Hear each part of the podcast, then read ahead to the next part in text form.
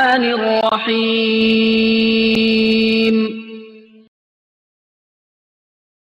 إنا نحن نزلنا الذكر وإنا له لحافظون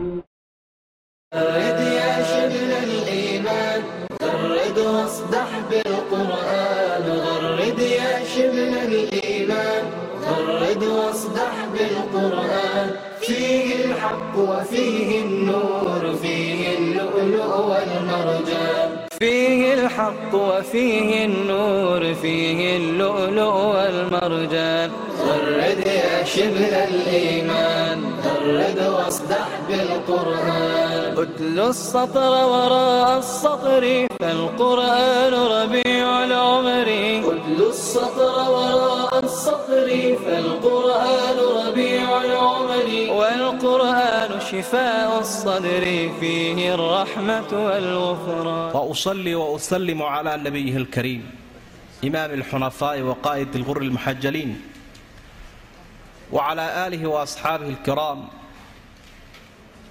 ومن تمسك بسنته وسار على نهجه إلى يوم الدين allahuma anfacnaa bima callamtana wacallimnaa cilman yanfacunaa wasidnaa cilman walxamdu lilaahi calaa kulli xaal allahuma wafiqna lima tuxibuhu watardaah min alaqwaali walaaraa'i walafcaali walacmaal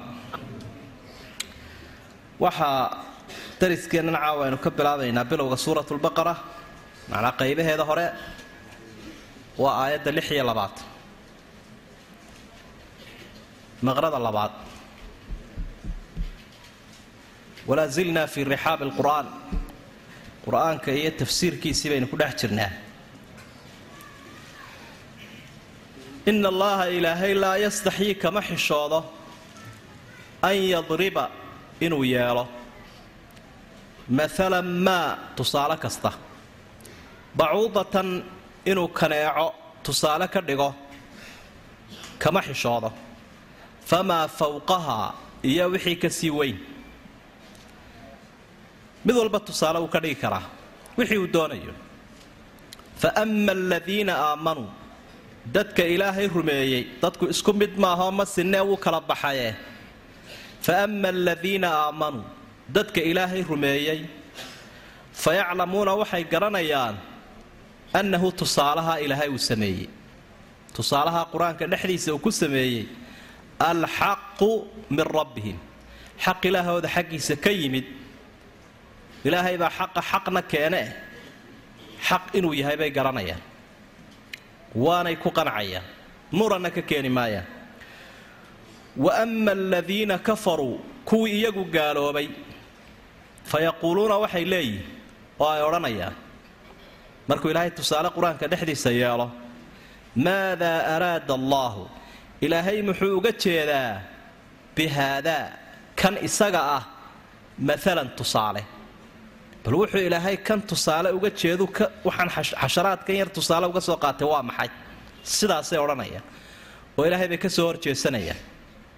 Allah ka jawaabay yudilu bihi kaiiran in badanoo dadka ah ilaahay wuu ku luminayaa oo tusaalaha waxay ka qaadayaan aafo iyo fallaaganimo way ibtiloobayaan wayahdii bihi kaiiran in badanoo dadka ahina tusaalaha sababtiisay ku hanuunayaan wuxuu u kordhinayaa qaanacad iyo iimaan wamaa yudilu bihi ilaahay kuma luminayo oo kuma ambinayo tusaalaha ah ila alfaasiqiin kuwa ilaahay ka fallaagoobe fogaaday ayaa ku hallaabaya aladiina kuwaasoo yanquduuna burinayoo jebinaya cahd allaah ilaahay ballantiisii ballantii ilaahay uu la galay min bacdi miithaaqi intii la adkeeyey ballantaa intii la adkeeyey wakhti hore kutubtana lagu adkeeyey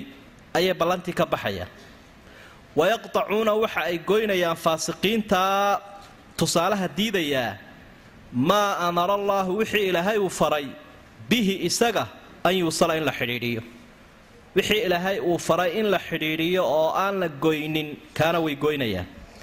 Wa yufsiduuna fi lard dhulkana way kharibayaan waa dad dhulbi'isa ulaa'ika kuwa muuqaalkaa lihi dhaqankooduna kaa yahay. Humul khaasiruun.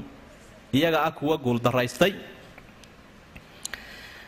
intaas waa tarkiibkii hore oo dadka dee qofba meel bay ugu joogtaa qofna sharaxuu xiisaynayaa qofna lafdigan iyo isasaarkiisaaba ku adagba. Bal markaa in tarkiibka aynu horraysiino wixii sharaxana marka dambe qofkuu iska eegto ayaynu isku day insha allah. Waaya markii qur'aanka kariimkaa ilaahay uu dadka had iyo jeer wax tusaalaynayo ama wax u sheegayo ee uu wax ka dhaadhicinayo waxa uga dhaadhiciyaa cid kasta oo wax tilmaantaa si aanay uga dhaadhicinayn liannahu khalaqa alcuquula waalquluuba waalbashar dee isaga abuuray caqligan uu la hadlayo garaadka isaga abuuray marka sida ugu quruxda badan ee ugu qiimo badan uu wax ku fahmi karaya isagaa garanaya marka siyaabaha uu qur'aanku u waaniyo dadka ayay ka midtuu wax ugu sheego inuu tusaalayaal badan qur'aanka dhexdiisa tusaalahana waataynu xalayta soo xusayne wuxuu ka dhigaa shaygii macquulka ahaa ee laguu sheegayay ayuu shay maxsuusoo la arki karaya ka dhigaa. Shayga marka lagaaga warramo iyo marka lagu siiyo muuqaalkiisa way kala duwantii sidaa daraaddeed baa berigii hore idaacaduhu jirayeen oo dhegta laga dhagaysanayay fideogana la soo saaro maxaa laga dhigay? Isagana maqal iyo muuqaal buu noqday oo maqalkiibaa muuqaal lagu daray.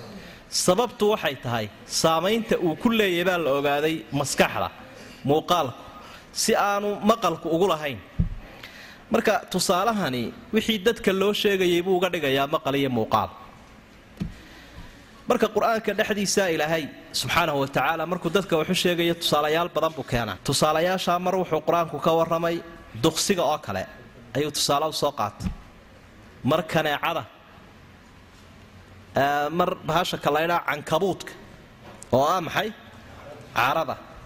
Caaradii iyo duqsigii iyo qur'aankii bay ku sheegayiinoo tusaalayaal baa ilaha u soo qaatay. Dabeedna waxay isku dayeen munaafiqiinta yuhuudda iyo mushrikiinta iyo war hadduu qur'aanka ilaahay waxaa yaryarka ah ee iska xasharaadkae liitee dadku ka khashaafo. Muxuu talow qur'aanka loogu sheegay? Maxamed qur'aankani uu sheegaya hadduu qur'aan ilaahaya laytahum guuldarradoodee miyaanay garannin sirta ku jirta maroodiga iyo nibiriga u weyn inay kan yarna ku jirto uun halkay ka midaysan yihiin xayawaanada ugu xooga badan ee aan loo dhowaanina laga haybadaysto iyo kan yaray leeyihiin waa laga khashaafayaa dee isku nafunbaa ku jirta. Ruux ruuxdii cajiibka ahaydee kan weyn ku jirtay ayuunbaa kanna ku jirta. Siduu kani u abuuran yahay buu kanna u abuuran yahay. Wuxuu kani karayaabaanu kani karaynin. Waaya oo dee xayawaanadaa u waaweyn ayaaba kaneecadaa yare imminka ay halkan xaqirayaan kow kaga siisa. Kuwii u weynaa ayaa intay aarkaba kaneecadu marbay dishaa soomaaha gabayga bahalkii aarkee raggu ka cararayay kaneecadaasaa u tegayso kow kaga siinayso sirtii cajiibka ayada ruuxdii baa ku jirta marka tusaalahaasay isku dayeen inay duraan. Ilaahayna isagaa deedifeeyey jawaabtana nebi maxamed calayhi salaatu wasalaam ka xilqaaday aayaddiina waxay ahayd watilka alamhaalu nadribuhaa linnaas wamaa yacqiluhaa ila alcaalimuun tusaalayaasha qur'aanka dhexdiisaan samaynaya laakiin dadka aqoon-yahanka ah ayaa fahmaya baa ilahay uhi subxaana. Dee ka jaahilka ah ee liitaana waa kaa ka soo horjeesanaya. Watilka alamhaalu nadribuhaa linnaas lacallahum yatafakaruun si ay u fikiraan oo ay u fahmaan. Ina allaha laa yastaxii ilaahay kama xishoodo. Xishoodka qofka marka uu xishoonayo had iyo jeer waa qabandhacyo iyo si ku timaada waxuu ka khajilo marka uu dareemo. Laakiin ilaahay xishoodkiisu kaa wuu ka duwan yahayoo sifooyinka had iyo jeer qur'aanka dhexdiisa inoogu imanaya dee ilaahay waa loo sugayaa. Oo lagana anfiyi maayo laguna shabihi maayo sifooyinka iyo tilmaamaha makhluuqa. Marka wuxuuna la odhanayaa waa xishooduu leeyahay oo aynaan ka anfiyayn kol hadduu dee isagu isu sugay. Isagiibaa isu sugay. Marka haddii aad deedifayso oo qiyaamaha uu ku weydiiyu yidhaahdo anaa qur'aankayga ku sheegay aduu maxaad ku diiday ilaa anaaba sheegaya waxaad ku jawaabta ma leh. Lidaalik baa culimmada muxaqiqiinta ah ee salafkiiyo culamaaulcaqiida waxa ay ku tegayaan sifooyinkaa in sidooda lagu daayooo aanaad isba hawlina saa ku rumayso. Marka xishood isaga u gaara weeye ilaahay kama xishoodo an yadriba maalan maa tusaale kasta inuu yeelo. Taas waxay tusinaysaa marka sidaa la raaciyo taqliil bay sii faa'idaynaysaa iyo tacmiim ama tacmiim. Tusaale kasta tusaalaha ka weyn buu ka dhigaya ka yar buu ka dhigaya ka dhaxuu ka dhigaya. Mararka qaarkoodna culimmadu waxay ku tilmaamaan xagga luqada ka warramaa maadu inay noqon karto siyaada. Maalan iyo bacuudatan bedel iyo mubadalo minhu ay isu yihiin. Maalan tusaaluu ilaahay ka dhigaa bacuudatan kaneecuu tusaale ka dhigaya. Iyo wixii ka sii weyn famaa fawqaha culimmada qaarkood baa waxay leeyihiin dee maadaam laga warramayay nimankan in loo sheego inuu ilaahay tusaale ka dhigi kara xayawaanada u yar famaa fawqahaa famaa duunahaa baa lagu fasirayaa marka had jeer luqada loo dhabogalayna eraygaas fooq xagga korena uu noqdaa xagga hoosena uu noqdaa. Sida had jeer erayo noocaas oo iminka waraa oo kale xagga horena way noqotaa xagga dambena way noqotaa. Wa kaana waraa'ahum malikun. Dee yaahudu kula safiinatin hasban xaggooda hore ayaa lagu fasiray iyadoo inta badan lagu yaqaano erayga maxay? Xagga dambe. Qoladeenna sarifku waxay idhaahdaan iyagoo maalan ka xishoonaya hebel wuu khasaaray maanta toban kunbuu hoos u macaashay bay idhaah miyaad maqashay taa? La wixii waaqica waa in la sheegee qofkaa ilaa loo sharxa ma fahmayo. Toban kunbuu hoos u macaashay. Wuu degay toban kunbuu khasaaray weeye marka famaa fawqahaa wixii ka sii yar baaba lagu macneeya iyadana. Kanaaca iyo wixii ka sii yar wixii ka sii weynna waa la odhan karaa. Icraabkiisuna waa sidaa. Dadku diinta ilaahay marka la sheego way kala baxaan. Qofka iimaanka lihina wuu qancaayo wuu istaagaayo wuu isdhiibaa oo iimaan buu ka kororsadaa. Oo waa kuwan soo horreeya kuwa kalena farafiiqfiiqiya waxay bilaabaan in shaydaanka xaggiisa ay milicsadaan fa ama aladiina aamanuu fayaclamuuna annahu alxaqu min rabbi annahu tusaalahaas waxay mu'miniintu garanayaan tusaalahan inuu ilaahay xaggiisa ka yimi wixii ilaahay ka yimaadana waxay leeyihiin samicnaa wa atacnaa qufraanaka rabbana wa ilayka almasiir ilaahayow ku aqbalay oo kaa maqalay oo isu kaa dhiibnay ayay leeyihiin waa kuwaa marka sidaasay tahayoo shay kasta oo waxyiga ku soo aroora haddii uu yahay qur'aan iyo haddii uu yahay xadiidba qofka muslimkii kii ka murma maaha caqliyaadka iyo aragtiyaha laga murmaa iyo waxay ila tahay iyo waxa basharka ka yimaada. Laakiin shaygu hadduu yahay shay waxya qiyaasna lama gelin karo aqwaal kalena lama barbardhigi karo waxay ila tahayna lama akeeni karo.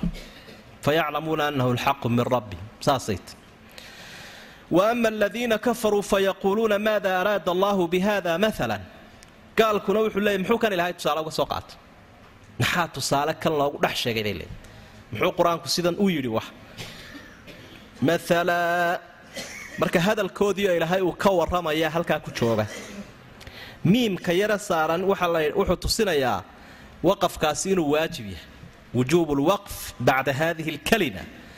Ayuu miimkaasi tilmaamaya markaad akhriyaysa fayaquuluuna maada araada allahu bihada maala in la ysku taago wey intan dambena waa faalladuu ilaahay ka bixinaya yudilu bihi kaiiran wayahdi bihi kaiiran in badanna dadka way ku ambadaan in badanina way ku hanuunaan.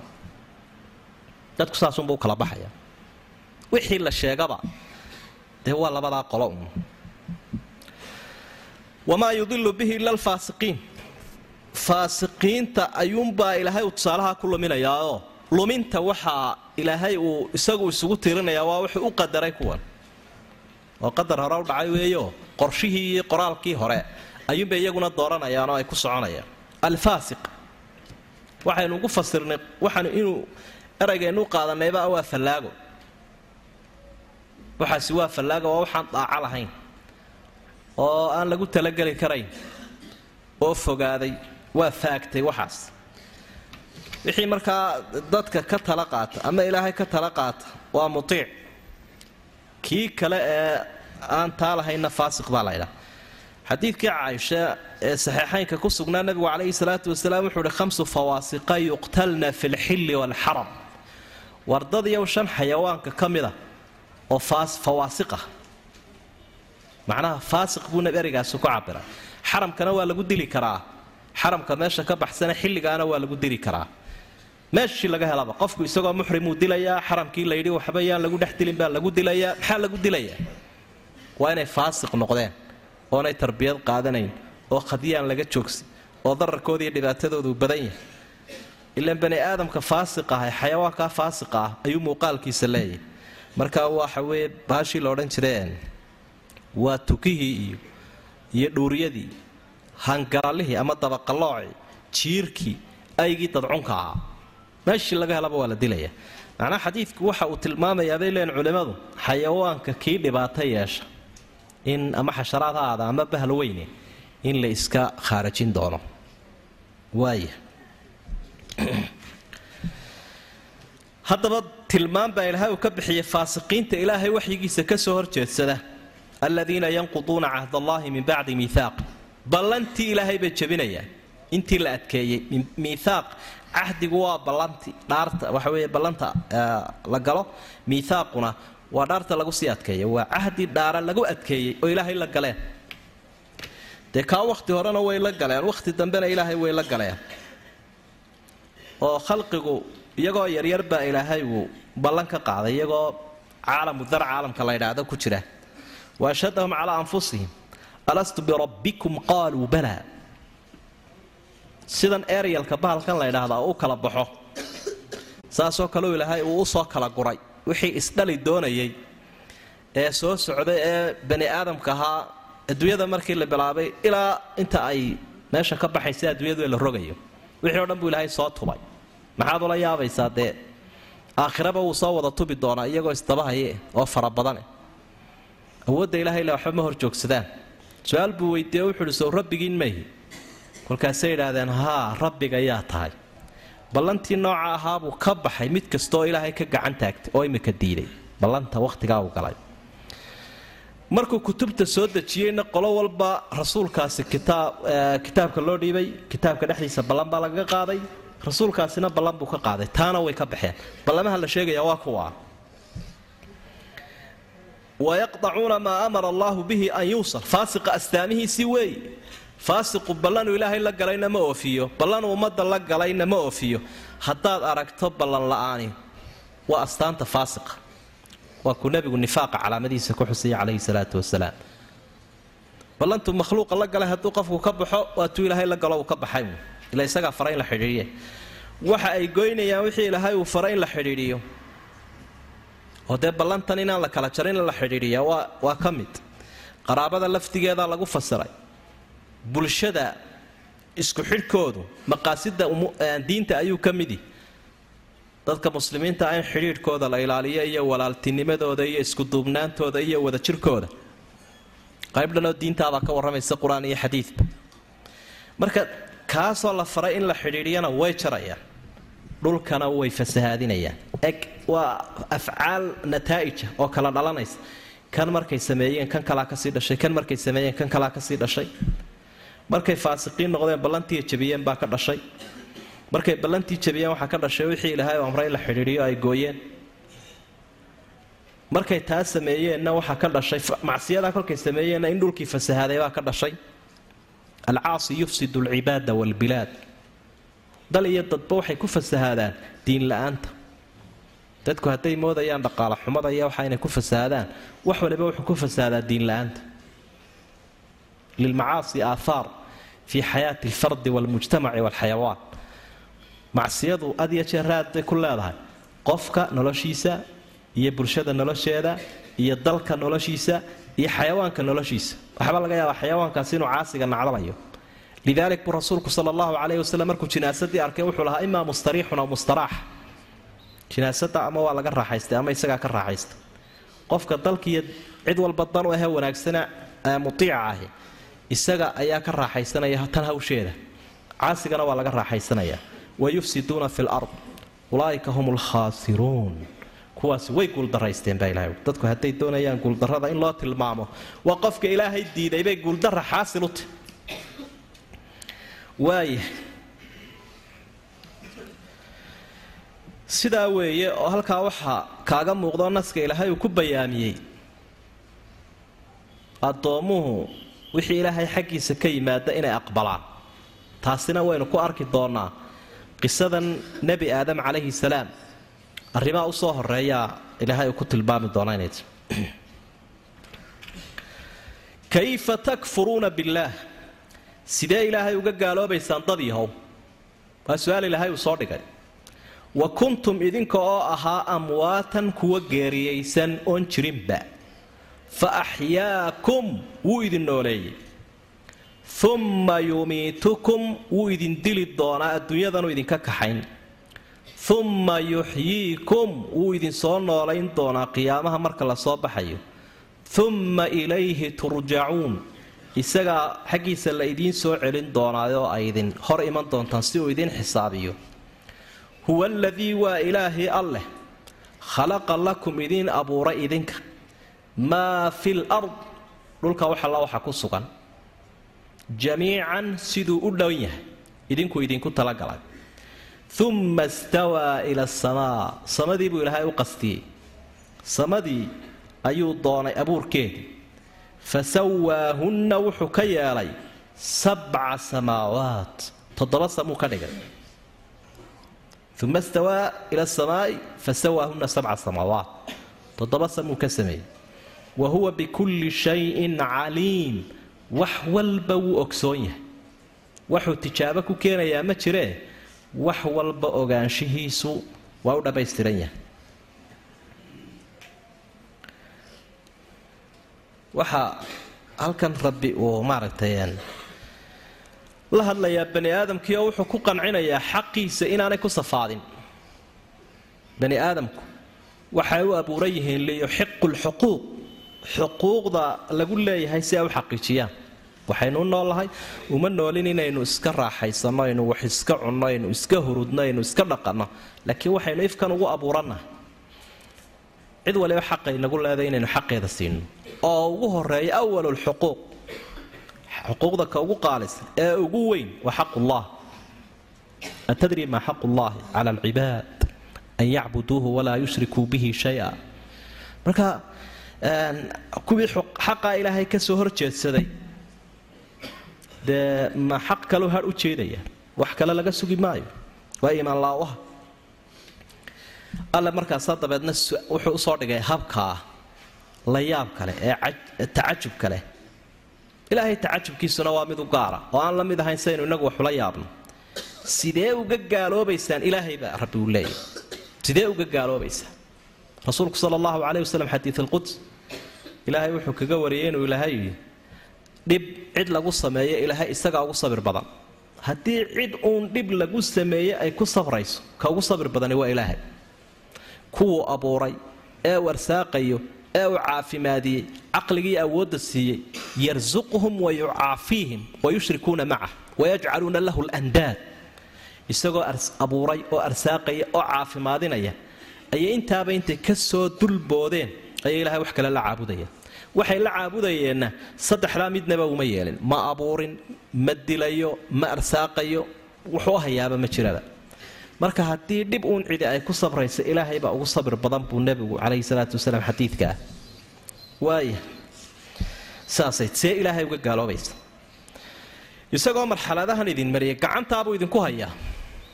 Antum musayaruun waxaad kuwo dee ilaahay gacantiisa ku jira subxaana marka wuu idin waxa ahaydeen kuwo geeri ku jiro markaasuu idin nooleeyay. Koow haddana wuu idin dilaya haddana wuu idin noolaynaya. Hortiisuu idin keenaya. Bal hadda intaasoo dhan buu idin marinaya waa dabaqan can marxalado kala duwan bay maraya marka waxay ahayd ilaahay intaasoo awooda a leh inuu qofku ka tala qaato oo uu ka dambeeyo oo uu xusuusnaado oo uu ku tiirsado oo ilaaha xaqa u aamino ayay ahayd. Waa qancin qofkii la qancinayo ilaahay wuxuu barayaa dooda iyo xiwaarka. Ayuu dadka barayaa. Macnaha ma'aakhidda ugu waaweyn meelaha laga qabsanaya dadkana ugu waaweyn ay ku fashilan yihiin ba halkaasi bal ka shaydaan caabuday iyo ka dhagax caabuday iyo ka jin caabuday. Intan midna miyay u leeyihiin wax? Ilaahyaasha aan intanoo awooda a midnaba lahayn. Maxaa ilaah loogu tilmaamaya? Marka wa kuntum amwaatan fa axyaakum geeri baa ku jirteenoo kolkaasuu idin nooleeyay. Geeridaasi waa tee dee asalkeennu ma nolol buu ahaa mise geeri? Maxaad odhan lahayd? Dee berigeennii hore miyaynu jirnay? Macnaa waxaa loo jeedaa waa kuntum amwaatan kuwa macduumiina baa haydeenoon jirinba. Dee waxaan jirin waa wax dhintay markaasuu dabeedna ilaahayna abuuro uu ina nooleeyey. Markeen wax la'aan baynu ka nimi. Amwaat baad mayit baad ahayd. Waxaan jirin baabaad ahaydba ilaahay unbaa jiray subxaana wa tacaala huwa alwalu walaakhiru walaahiru walbaatin intaba isaga ahaa. Markaasuu dabeedna geeriba ahaydana wuu idin nooleeyey. Markaasuu idinku nooleeyey. Weliba dee meel cajaayib oo caalamkii alarxaam riximkii hooyada. Haddana wuu idin dilayaa. Marka dhammaysataan wakhtigiinni haddana wuu idin soo noolaynayaa wakhtigiinni kolkaa dhammaysataan oo dee caalamka barsakh la soo dhaaf. Haddana isaga idin hor imanaysa. Marxalad saasay isu daba socdaan marka dee qof waliba wakhti buu leeyahy ummad waliba wakhti bay leedahay. Halkan ay ku qaadanayso qolana taariikh xumay kala tegaysa qolana taariikh wanaagsan. Qofna yuu aamin inuu ku waarayo. Sidaa xaalkiisu inuu ahaanayo. Qarni waliba wakhti cayiman buu leeyahay. Sidaasaa ilahay war iyadoo ilaahay uu gacanta sidaa idinku hayo oo wax idinku seeganay aanu jirinoo awoodda dhammayska tiran isaguu leeyahay. Bal rabbinimadiisa eega iyo tasarufkiisa oo qanca oo ilaahay subxaanahu wa tacaala ilahnimo u qira waa sidaa xadiidka uu nebigu ku yihi calayhi salaatu wasalaam nusuustu iyadaa isfasiraysee dee wuu abuuray bani aadamkii koow waa inagaa soo aragna wuu dilayaa? Waa laba? Waa arsaaqayaa huwa aladii khalaqa lakum maa fi lardi jamiican. Wuxuu idiin abuuray maxay? Waxallo waxa dhulka ku sugan siduu u dhan yahay. Waa kuwa culammadu ku maaale tusaale kaga bixiya in aynu ka dhigannahay markaynu ifkan joogno dad guri ku casuumanoo ku dhex jira. Dad loo yeedho xadiidka rasuulkana sal allahu alay slm tusaalaha waa bixinayaaba. Islaamka iyo jannada ku dhex sugan iyo tusaaleu ka bixinaya nebigu calayhi salaatu wasalaam. Tusaalahaasoo ah muuqaalkiisu yahay cid guri leh dabeedna u yeedhay dadkii casuumad qaali ahoo qiimo badanoo loo hanwen yahay kudaa soo ajiiba ee kaadhka qaata. Bee yimaada halkaa gurigaana wuu soo gelayaa wanaagsan. Koow casuumadda qaaligaana waxbuu ka cunayaa sharaftiina wuu helayaa. Ajiibuu daaciya allah. Yeedhmada ilaahay ee rususha uu faray inay yeedhaan ka aqbala. Casuumadiibuu aqbalay. Guriga ka soo galaa islaamkiibuu soo galay. Casuumadda uu cunayaa waa jannadan aayaadku ku bushaaraynaya. Ka marka horeba ka waran yidhaahda aniga layguma hadleeyo. Yeedhmadaa layguma hadleeya maan aqbalin ka yidhaahda.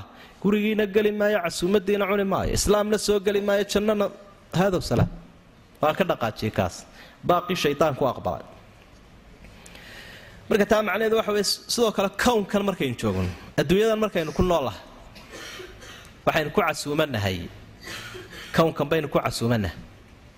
Waxalla waxa ku dul nool oo dhan ilaahay baa inoo sakhiray. Sidaa aayadda aad ka arkaysa khalaqa lakum maa fi lardi jamiican marka bani aadamkii waa khaliifa fi lard bani aadamkii intanuu dhulka joogo inuu fikiro oo nafciga dhulka mar walba uu kala soo baxuu horumar sameeyo khayraadkeeda iyo masaalixdeeda adduunyada. Waa u abuuranya dee isagaaba loo abuurayba. Waaya saasay tahay. Iyadoo dabcan mar walba sida loo tallaabsanayo sharcigana dee la eegayo fii xuduudi alxalaal. Wixii xalaal ah dhexdeeda uu ku sugan yahi qofka oo wixii xaraama dee naskaa diiday. Qaacidaa lagala baxayaa bay yidhaahdaan culimmadu aayadda qaacidadaasoo usuuliyiinta iyo fuqahaduba isticmaalaan oo ah ina alasla fi lashyaai alibaaxa shayada caalamkan ku nool waxa u asala inay mubaax yihiin. Macnaha waxa adduunka guudkiisa ama waxa u asala xaaraan inuu yahay oo wuxuu u baahan yahay daliil xalaaleeya. Miyaa mise waxa u asala inuu wada xalaal yahayoo waxa inaga xaaraanahuun wixii daliil diido? Waa ta dambe. Wax waliba waa inoo xalaal. Wixii la cunayo wixii la dhaqanayo wixii la adeegsanayo caalamka guudkiisa waynoo wada hadduu xayawaan yahay iyo hadduu dhir yahay iyo hadduu kullu daalik wixii daliil uu xaaraantinimeeyuunbaa la diidaya albaraa alasliya ayay idhaahdaan asalku waxa uu ahaa shaygaas inuu maaragta beri yahay tanna sidii oo kale wey marka halkaa waxaa ka muuqanaya shaygan marka la odhanayo waa xaraam waa in daliil loo helaa sugan waa in loo helaa haddii daliilkaa la waayo waa mubaax iyo xalaal weeye daliilkaasi mid khaasana wuu noqon karaa mid caamana wuu noqon karaa oo daliilada had iyo jeer uu xaaraantinimeeyaa ma aha uun mar walba mid shaygan si gaara u tusinaya. Way jiraan kuwaasi waa badan yihiin laakiin shayaasha qaarkoodoo xaaraana ayaa waxaa jira daliil caama ayaa xaaraantinimaynaya. Huwa aladii khalaqa lakum maa fi lardi jamiican. Marka casuumadaa ilaahay baa lagu dhex jiraa. Ilaaha ku abuuray ayaa halkana kugu casuuma ku arsaaqaya. Uma istawaa ila asamaai fasawaahunna sabca samaawaat. Istawaa dee mar calaabaa ka dambayso oo waa ku ekaanshay noqotaa marna ilaabaa ka dambayso qasad bay noqotaa marna xarafba kama dambeeyo nafteeday ku tacadidaa macnaa iyadaa si toosa u tacadido oo waxa ay noqotaa markaana mafcuul bay qaadanaysa.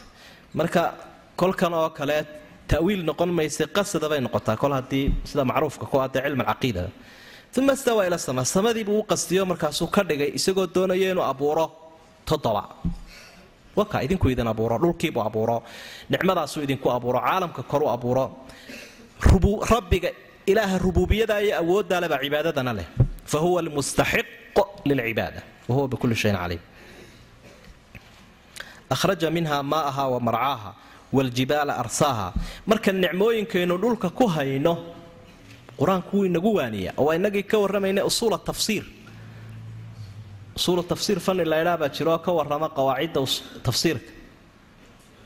Siyaabuhu qur'aanku u waaniyaabay ka mid tahay taaratan yudakiru lqur'aan biaayaat illaah wa biayaami illaah wa biaalaa'i illaah wa bilmowt qur'aanku dadka wuxuu ku waaniyaa ayaam allah maalmihii soo maray caalamka. Iyo dad noocyadoodii kala duwanaa mid waliba wuxuu ka soo calfaday halkan shar iyo khayr. Waa ayaam allah wuxuu qur'aanku dadka ku waaniyaa aayaat illaah aayaadka ilaahay cirka eega dhulka eega qoraxda dayaxa. Intee bal aayada aad ka akhriyaysa aad bay u fara badanta sida kitaabkan loo akhriyaya kitaabka kownkana loo akhriyaa. Wa taaratan yudakir biaalaa'i illaah mararka qaarkoodna qur'aanku dadka wuxuu ku waaniyaa nicmooyinka ilaahay. Fa biayi aalaa'i rabbikumaa tukadibaan jiniyo nicmaan idin siiye fara badanoo kownkan waa ku casuumantiini bal teebaad tuuraysaan oo nacaysaan oo beeninaysaan. Aalaa'i rabbikumaa tukadib marka saas weeyo taasaa ilaahay dadka uu ku waaninaya. Waaya dadkii haddaba waa kuwanoo way ibtilaysan yihiin oo in fara badan dadaan laba afgaranaynoo silan baa jira oo nooc nooc ah. Halkee maxaa u baxay talow? Qabqablaha u baxay iyo waxaan u gacan haadiyey dadka waa maxay? Halkan arrinkii ibliis baa ilaahay uu ka bilaabaya marka. Ibliis kii la odhan jiray ee nacdashu ay ku dhacday oo nebi aadam dagaal la galay waalidkeennii ugu weynaa aadam iyo xaawa. Ayaa ilaahay qisadiisa halka ka warramaya. Xigmadda ilaahay waxay keentay. Khalqigan uu abuuray ee caqliga leh ee mukallafka ah ee la xil saaray ee la xisaabin doona ee la abaal marinaya inuu saddex qaybood u qaybiyey saddexdaba qisadaynu ka arkayna. Qisadu waxay namuudaj iyo tusaale u tahay khalqiga ilaahay iyo cajaa'ibta ka muuqanaysa. Qolo iyagu wuxuunay la yeelan yihiinun khayruun waa malaa'igta. Qolona wuxuunay la yeelan yihiinay meesha la joogaan sharuun waa maxay? Abaaliista iyo shayaadiinta.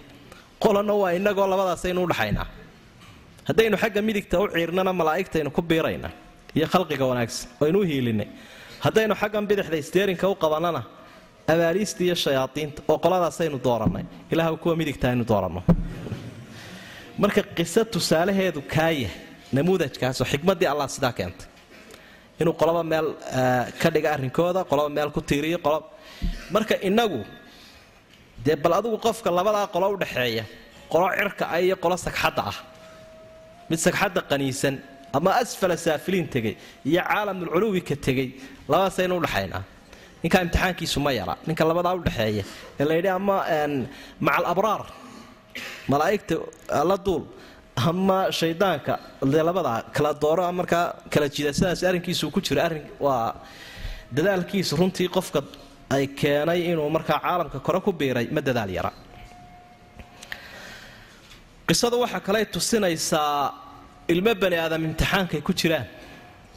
Imtixaan adag wey qof midaan daalayn oo lagugu ballamiyey oo shaqadiisuba adiga tahay ayaa kuga heliya.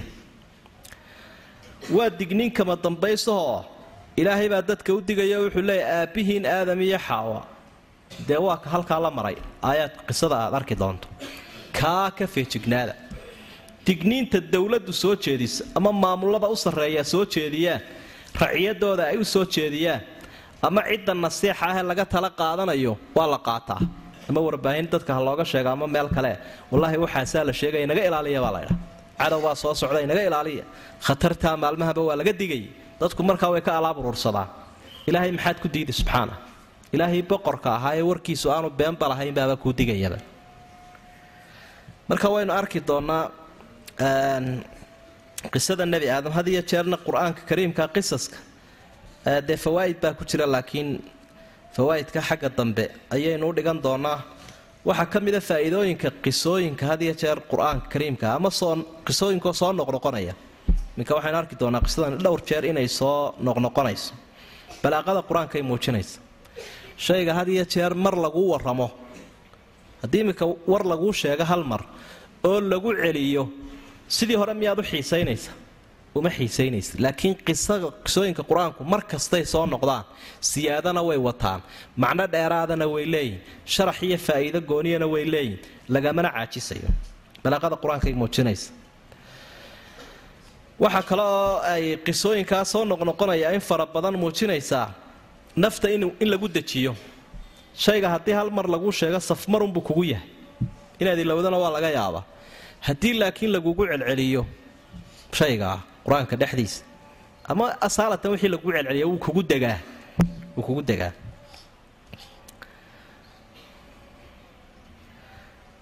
Qisooyinku sababaha loo sheegaana dabcan way kala duwan yihiinoo midiba hab gaaray u socotaa midiba qancinteeday leedahay. Arrinta afraada qisooyinkan soo noqnoqonaya qur'aanka. Ka faa'iidadahay waxa weeye laha ahar fi tarbiyati watahdiib qofka bani aadamka ah saamayntiisa iyo dareengelintiisa iyo qiira ku abuuridiisa qisadu saamaynteeday leedahay. Akhbaarta iyo wararku dadka waxay u saameeyaan si laga yaabo waaqicu inaan u saamayn. Waaya qaala allahu tacaala waid waqti xus nebi maxamedow qaala rabbuka lilmalaa'ika ilaahaagu malaa'igta wuxuu ku yidhi innii jaacilun waxaan yeelayaa fil ardi dhulka khaliifatan mid igaga wakiilaan ku abuuraya. Qaaluu malaa'igtu waxay yidhaahdeen atajcalu fiihaa ilaahay ow dhulka ma waxaad ku abuuraysaa? Man yufsidu fiihaa mid khariba. Mid dhulka waxyeello u geysta. Wayasfiku dimaa dhiiggana daadiya. Oo istila qaar istili doona wayasfiku dimaa dhiigga daadiya. Oo iyagu islayn doona wa naxnu annaguna nusabbixu bixamdig waanu kuu tasbiixsanaynaa dee annagoo mahadnaqaaga ku darayna. Wa nuqadisu laka. Ilaahayo waa wixii xun baanu kaa hufaynaa kaa haadinaynaa kaa ilaalinaynaa. Taqdiis waa ku ammaanaynaa qaala ilaahay wuxuu idhi innii anugu aclamu waxaan ogahay maa laa taclamuun. Waxaydaan ogayn baan ogahay. Wa callama ilaahay wuxuu baray aadama. Nebi aadam wuxuu baray al asmaa'a kullaha magacyaashii oo dhan. Wa callama aadama al asmaa'a kullaha malaa'igtii buu rabbi doonayaa xikmaddiisa inuu wax tusiyo. Nebi aadam buu u yeedhayoo wax walba wuu ogeysiiyey markuu abuuray. Magacyaashii makhluuq oo dhan. Uma caradahum. Uma caradahum wuxuu u bandhigay magacyaashii macnaha makhluuqaadka dabcan damiirka saaad arkayso uma caradaha maaha uma caradahum wuxuu u bandhigay waxaa la abuuray oo dhan magacyaashoodii calal malaa'ikati buu bandhigay asmaa almakhluuqaat wax alla wuxuu abuuray magacyaashiisiibuu malaa'igta u bandhigay uma caradahum cala almalaa'ika si ay magacooda u sheegaan makhluuqaadkii uu ilaahay abuuray ayuu soo bandhigay fa qaala wuxuu uhi ambi'unii waxaa ii sheegtaan biasmaa'i haaulaa'i kuwan magacyaashooda wixii ilaahay uu abuuray buu tilmaamayaa. Markaa wuxuu idhi ambi'unii ii sheega malaa'igey biasmaa'i haaulaa'i kuwan magacyaashooda kuwuu tilmaamaya waa makhluuqii makhluuqaadkiibuu ihi waxaanaan abuuray halkan yaalla bal ka warrama magacyaashooda sheega in kuntum saadiqiina haddii aad ku run sheegaysaan dee waa ka fadli badannahay aadan. Sida hadalkooda ka muuqanaysa.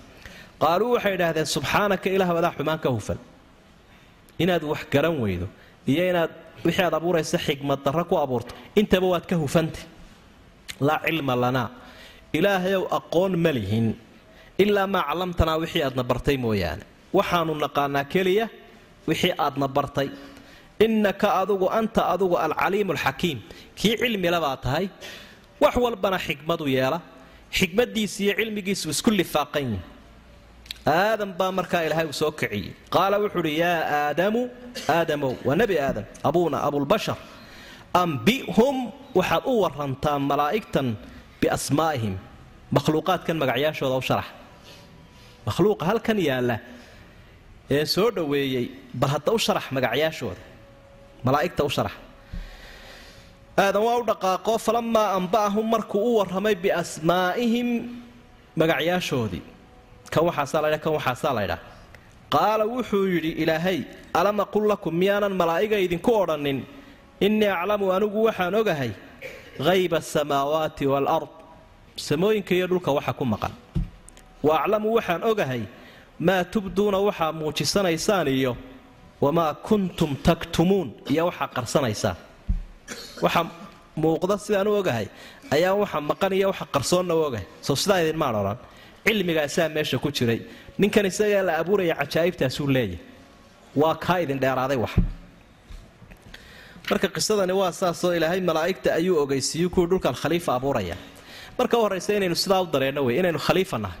Bani aadamku waa khaliifa waxa xayawaanaadkiiyo waxa ka soo hadhoo dhami isaga ayay u sakhirayin saa aayadda hore baynu ku soo aragnay isaga isagay tahy adduunyadan inuu hago jiheeyo ilaahay wakiil kaga noqdo qof cidda wakiil cid ka noqonaysaa mar haddii dee meeshii loo dhiibo mas'uuliyaddan lagu aaminay iyo maa saxa inuu noqdo wakiil hagaagsan oo ciddii wakiilatay ka tala qaata iyo inuu noqdo wakiil wareersanoo kii wakiishay ku gacan saydha dee sida caqli iyo cilmiba keenaya waxa weye wakiil miyir qaba inuu noqdo. Wax alla waxa ilaahay diiday ee ka gaaloobay wakiilkaa waashay weeye. Dadka mu'miniinta ee ilaahay ka tala qaadanaya ee dalka ilaahay iyo diinta ilaahay iyo dadka ilaahay isla doonanayaana wakiil miyir qabo wanaagsan weeye. Wakiil miyir qaba allaha inaga dhigo. Waaya khaliifa markaa qof waloo inaga midihi kaalinta uu qaadan kara inay tahay inuu buuxiye faral ku tahay waa inuu ogaado wey khilaafada dadkuna way sii kala weyntahay ka ummad u taliya iyo ka xaafad u taliya iyo ka naftiisa u taliya. Dee khilaafadooda way kala weynta su'aashooduna way kala weynta dhibkooda iyo dheeftooduna wuu kala weyn insaa loo ogaado wey malaa'igtu su'aashana ilaahay weydiiyeenoo ma cid dhulkan fasahaadisoo dhiigga daadisaad ku abuuraysa annagoo ku ammaanayno ku tasbiixsanayno taqdiista wadna yaa quduus yaa annagoo ku ammaanayno. Saasay yidhahdeen ilaahayna wuxuu ihi waxaydaan ogeyn baan ogaha wuu soo gaabiyey arrinka. Waxaa la doonayaa marka dambe ilaahay rabaa si uu waaqica macnaha wax ay arkayaan uu tusiyo. Markay su'aashan malaa'igtu weydiinayaan ilaahay lama murmayaan su'aalu ma aha inay ku isticraaf ku samaynayaan ilaahay. Laakiin waxa weye su'aal isticlaam wastikshaaf inay ilaahay la murmeen maahee waxaa muran badan bani aadamko ilahay uhi wa alinsaanu akara shayin jadala. Bani aadamkaa murma. Laakiin malaa'igta su'aashooda balaahay xikmadda ku jirta iyo sirta noo sheeg. Xaggay ku ogaadeen aadam macnaa ubadkiisu inuu dhiigga daadin doono oo dhulka uu fasahaadin doono. Dee ilaahay baa u sheegay ilaahay baa ogeysiiyey meel bay ka daalacdeen iyo halkaasay saawarkeen iyo culimmada tafsiirku waxyaaba yar kala duwan bay sheegaane ilaahay marka horeba u qiraan cilmiga. Sa aayadda dambe aynu ku arkaynaa u sii sheegay. Waxyaabaha ka dhicdhici doone ee ka duulduuli doona aadam ubadkiisa. Waaya sidaa ilaahay uu sheegay waxaana ogeyn inuu ogya waa dhab wey wa fawqa kulli dii cilmin caliim. Cid kastoo cilmilaba mid cilmilaa ka sii sarreeya ilaa uu cilmigu ilahay isugu ururo marka nebi aadam calayhi salaam ilaahay abuur aqoon aanay haynin baa la siiyey. Wuxuu baray shayaasha ilaahay uu abuuray buu baray. Shay walba magaciisaa loo sheegay. Aayaddu may sheegin waxa uu shaygaasi xikmaddu abuuran yahay ee wuxuu qabto in loogu daray. Allahu aclam taa umay banbixin laakiin shay waloo makhluuqaadka ka mid a kullahaasay tusinayso ayaa loo sheegay aadam halkaa waxaa laga fahmayaa bay leeyihiin culimmada usuulku. Mar hadduu ilaahay u sheegay magacyaasha shay walba aadam. Inuu shay walba macnaha dee dabcan inuu ilaahay u abuuray dadka luqadaha bay leeyihiin masalada laga soo faa'idaystay lagala soo baxay. Luqadaha dadka iska samaysta mise ilaahay baa u sameeya ilaahay baa u sameeya subxaana sidaa uu magacyaashaa ugu sameeyey shay walba magaca loo yaqaano. Ilaan kuwii hore shaygan magac bay u yaqaaneen oo kuwa dambe magac bay u yaqaanaan oo ummadaha kale luqadii magacyaalbay u yaqaanaa. Aadam si uu barayba kii af jiniis ku hadlaya kii af soomaali ku hadlaya kii ingiriis mid walba magac walba kii loo yaqaanaa loogu sheegay. Marka sidaa uu magacyaasha ugu bixiyey shay walba ayuu luqadahana dadka ilaahay ugu dejiyaa haddii iminka ciyaal yareer meel la isugu xidho mar waaba la tijaabiyey. Luqadunbay samaysanayaan. Ay isku afkartaan ilaahay baa baraya subxaana ii warrama kuwa ambiuni biasmaai haaulaa in kuntum saadiqiin. Magacyaashaa waxyaabahan makhluuqaadkan magacyaashooda ay sheegan in kuntum saadiqiina. Haddaa ku run sheegaysaan maxay ay ku run sheegayaan? Macnaha hadalkoodaa waxaa ka muuqanaya isaguna waa caynkan annaguna caynkanaanu lahay labadaa marka la ysla dee waanu ka fadli badannaa ka baxaysa. Ayaa ka soo baxaysa. Haddaa ka fadli badan tihiin ama ka aqoon badan tihiin ka sheekeeya. Qaaluu subxaanaka laa cilma lanaa ilaa maa callamtana way isdhiibeen istaslamuu ilaahay adunbaa cilmila annagu cilmi ma lihiin wixii aadna barta mooyaan innaka anta alcaliimu alxakiim cilmigay ammaanutay aayaddu cilmiga iyo ahlulcilmiga ayaa fadli weyn baa ugu jira. Fii hadihi alqisa wa fii hadihi alaayaat fadiila kabiira lilcilmi wa ahli. Aadam malaa'igtii wuxuu u noqday maxay? Mucallim. Iyagiina arday bay noqdeen. Dabcan ardayga iyo macallinka iyomaa fadli badan maado khayrla kolka la dhigayo dee. Haddii maado shara la dhigayo ka dhigaya ayaa dee xune. Laakiin wax khayrle kolka la dhigayo dee macalinka iyo ardayga mucalinkaa fadli badan. Marka nebiyullaahi aadam koobkaa isagaa waa ka qaado uu ka mustawo sarreeya malaaigtii maadaama mucallim u noqday. Waaya qaala yaa aadamu anbi'hum biasmaa'ihim falama anba'ahum biasmaa'ihim qaala alam aqul lakum innii aclamu hayba asamaawaati walard sawtaan idinku yidhi waxa maqaniyo waxa muuqda ayaan ogahay. Eceriyo dhulba ku maqan. Wa maa tubduuna wamaa kuntum taktumuun. Waxa qarsanaysaan iyo waxaa muujisanaysaan labadaba wax cid ogsoon qofku ama makhluuqu waxa uu qarsanaya ilaahay unbaa jira subxaana. Malagna ma oga shayaaiinna ma oga. Daa. Waid waqti xus nebi maxamedow qulnaa lilmalaa'ikati malaa'igta aanu wakhtigaanu ku nidhi xus. Usjuduu liaadam nebi u sujuuda baa ilahay uu ku uhi malaa'igta fasajaduu way sujuudeen malaa'igta. Ilaa ibliis kaa magacaa la yidhaahda mooyaane. Abaa isagu wuu diiday. Wastakbara wuu isweyneeyey. Waxaanu ahayn buu isu qaato wuu isqaadqaaday wa kaana min alkaafiriin gaaladuu ka mid ahaa marka horeba. Wa qulnaa waxaanu nidhi yaa aadamu aadamow uskun anta wa zawjuk. Adiga iyo xaaskaaga oo xaawo ahi waxaa iska degtaan.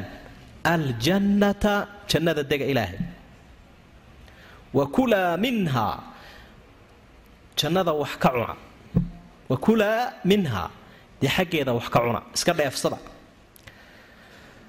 Raqadan aklan raqadan cunitaan waasaca. Oo aan la idiin miyaynin oo aan la idinka hakinayn. Xayu shi'tumaa meeshaad doontaan wax ka cuna. Meel waliba waa idin mubaax jannada. Walaa taqrabaa ha u dhowaaninoo agteeda ha marina. Cunid la cuna iska daayo. Haadihi shajarata geedka agtiisa ha marina baa ilaha uhi geed buu tilmaama geedka ha ag marina. Fa takuunaa waxay idin noqon geedkaa haddaa cuntaan min aldaalimiina kuwa dulmiga sameeya idinka mid noqon. Fa azallahumaa waxaa simbirixiyey ilaa qofku hadduu macsiyo ku dhaco wuu simbirraxdee.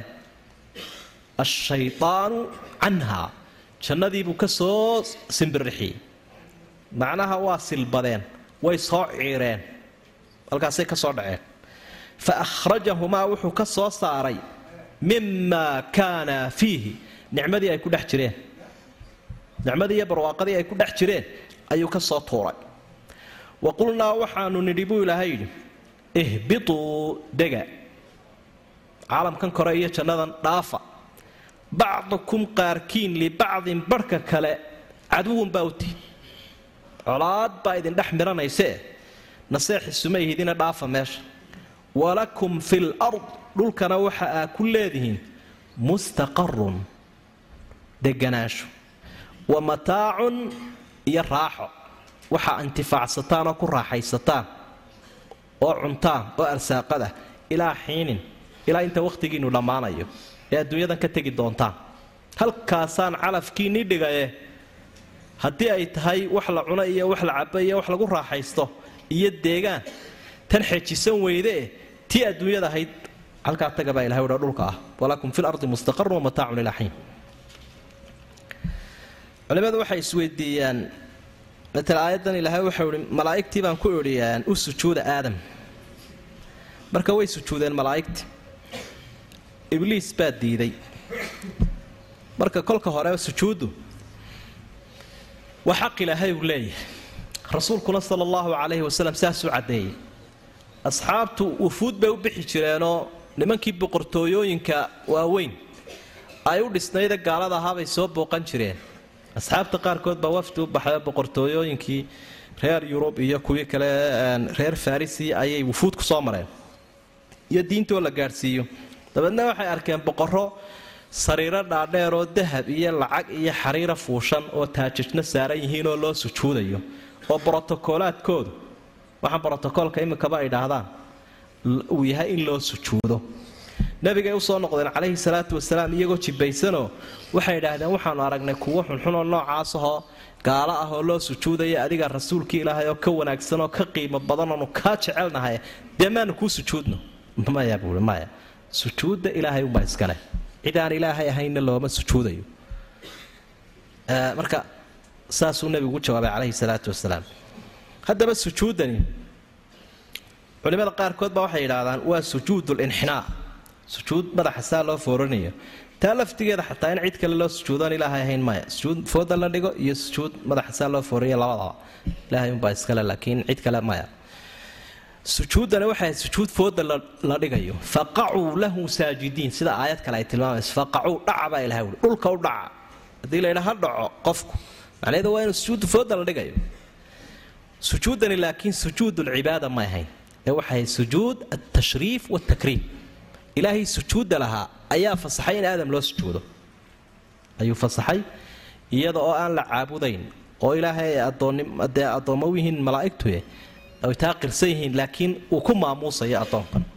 Wixii ilaahay fasaxana laa yus'alu camaa yafcal wahum yus'aluun. Isaga waxba lama weydiiya dee. Wax badanoo dee isaga u bannaan wax waliba u bannaan yihiin ayaa dee makhluuqa aan u waaya sujuuddu waa taa arrinkeeda marka cid basharka ka mida iyo cid madaxa toona looma sujuudayo. Sujuudda ilahay umbaa leh. Ina sujuuda lilaahi subxaana waid qulnaa lilmalaa'ikati isjuduu liaadam waxaa halkaa weli ka sii muuqanaya fadliga uu leeyahay qofka cilmiga samaawiga iyo waxyiga leh. Ilaa hadda aadam fadligiisii macalinimadiisii baa muujisay. Waxaa muujisay amarkan ilaahay uu ku siiyey malaa'igtu inay sujuudaan. U sujuudabaaba la marayaa si loo maamuso marka qofka caalimka ah diinta ilaahay ehelka u ah fadliga uu leeyaba aayaddu ay sii muujinaysa. Way u wada sujuudaan ibliis mooyaane. Ibliis uma sujuudin wuu diiday wuu isweyneeyey gaaladu ka mid ahaa. Intaasuu ilahay isu raaciyey. Beliya baaskaasoo dhanba ku urursan. Iyadoo malaa'igtii la sheegay oo sujuuddoodii la sheegay unbuu ka soo dhex booday un ibliis mooyaane. Miyaan laga yaro fahmayn markaa malaa'igtu ka mid ahaayo isagu uu ka hadhay? Ma malaa'igtu ka mid ahaa mise kama mid ahayn? Culimmadu waa isweydiiyaan. Kolayba laakiin waxaa dee muuqanaysa in aanu malaa'igta ka mid ahayn. Sababo badan marka hore jinsiga malaa'igta iyo jinsiga ibliis waa kala duwanyi rasuulku sala allahu caleyh wasalam xadiid waxa uu ku yihi malaa'igta waxaa laga abuuray nuur. Waxaa laga abuuray ibliis iyo shayaaiinta iyo jink waxaa isku qolada ana. Dee sidaa qur'aankuba uu tilmaamay min maarijin min naar. Holoc naar ah. Naar baa laga abuuray. Aadamna waxaa laga abuuray wuxuu qur'aanku idiin sifeeyey buu nebigu yihi oo ah maxay? Dee dhoobo dhoobo iyo ciid marka maadadii laga abuuraaba kala duwan nuur iyo naar. Naartu waxay isugu jirtaa kulayl iyo iftiin. Iftiinkiina waxa weeyaan waa qaybtii naarta bilaa kulaylka ahayd wey marka iyagiina waa nuur isagiina waa naar.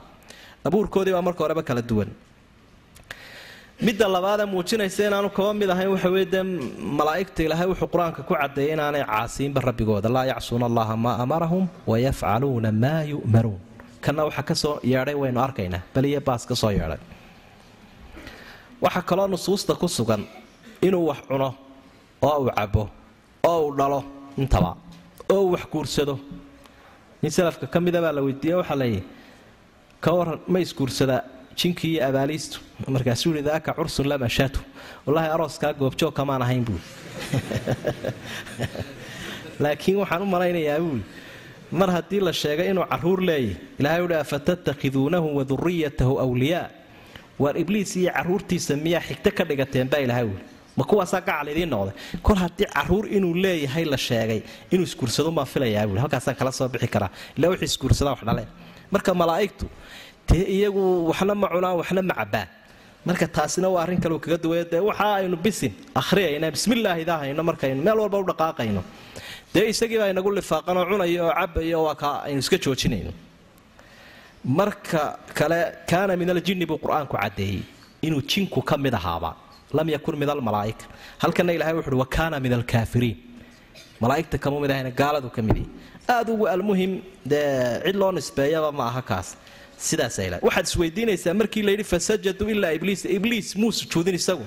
Talo maxaa ku dhacay? Ma cudurdaar buu lahaa meesha miyuu ka maqnaa? Maxaa sababuu ahaa? Intaasoo jawaab ayaa ilaahay uu kaaga jawaabay. Su'aalahaasoo waxaa la wuhi abaa wuu diiday muu maqnayna wuu diiday koow cudurdaar muu lahayne wastakbara wuu isweyneeyey. Halka laga raacayna wa kaana min alkaafiriin ila gaal sujuud lagama sugaye waay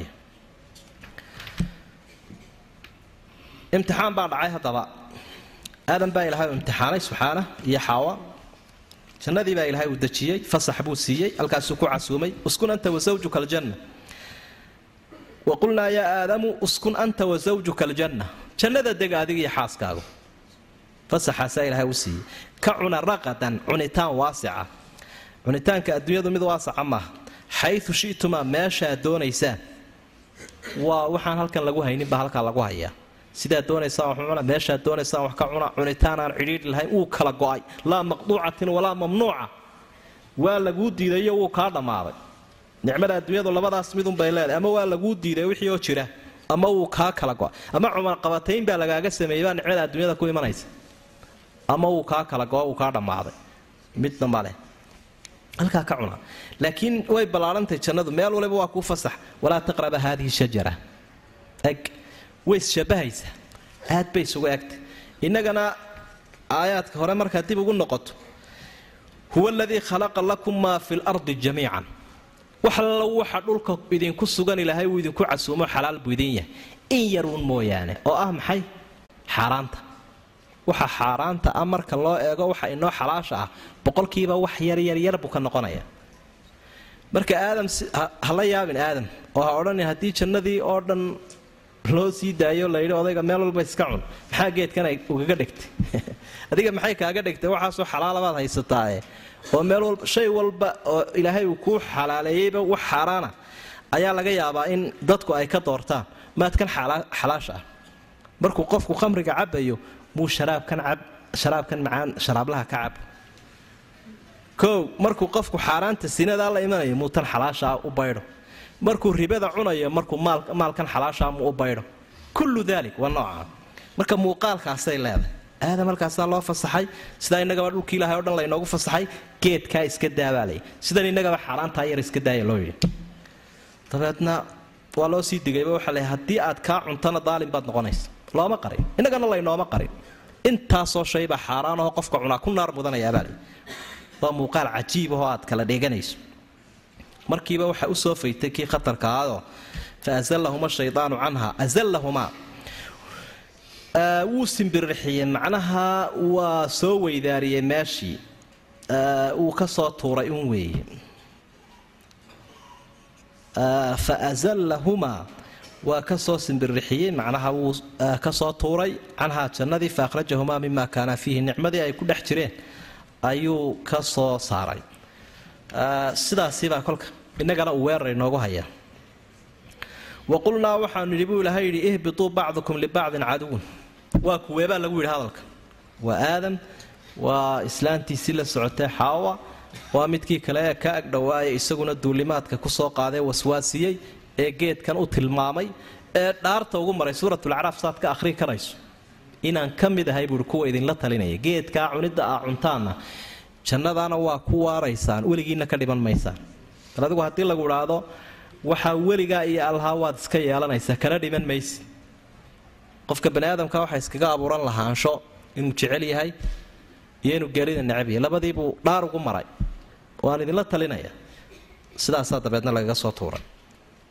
Marka aadam iyo ibliis iyo islaantii iyo wixii oo dhan ka dega baa layaa adduunyadii bacdukum libacdin caduwun dhulka waxaa ku leedihin mustaqar. Mustaqarku waxa weeye meel ay degaanoo iyo mataac waxay intifaacsadaan. Dabcan noloshu noloshii way ka duwan tahay meeshu meeshii way ka duwan tahay raaxadii rafaadkanaa bedelay halkaa u guura baa layidhi ilaahay buu uga toobadkeeno ilaahayna waa ka aqbalay subxaanah. Marka muuqaalkaas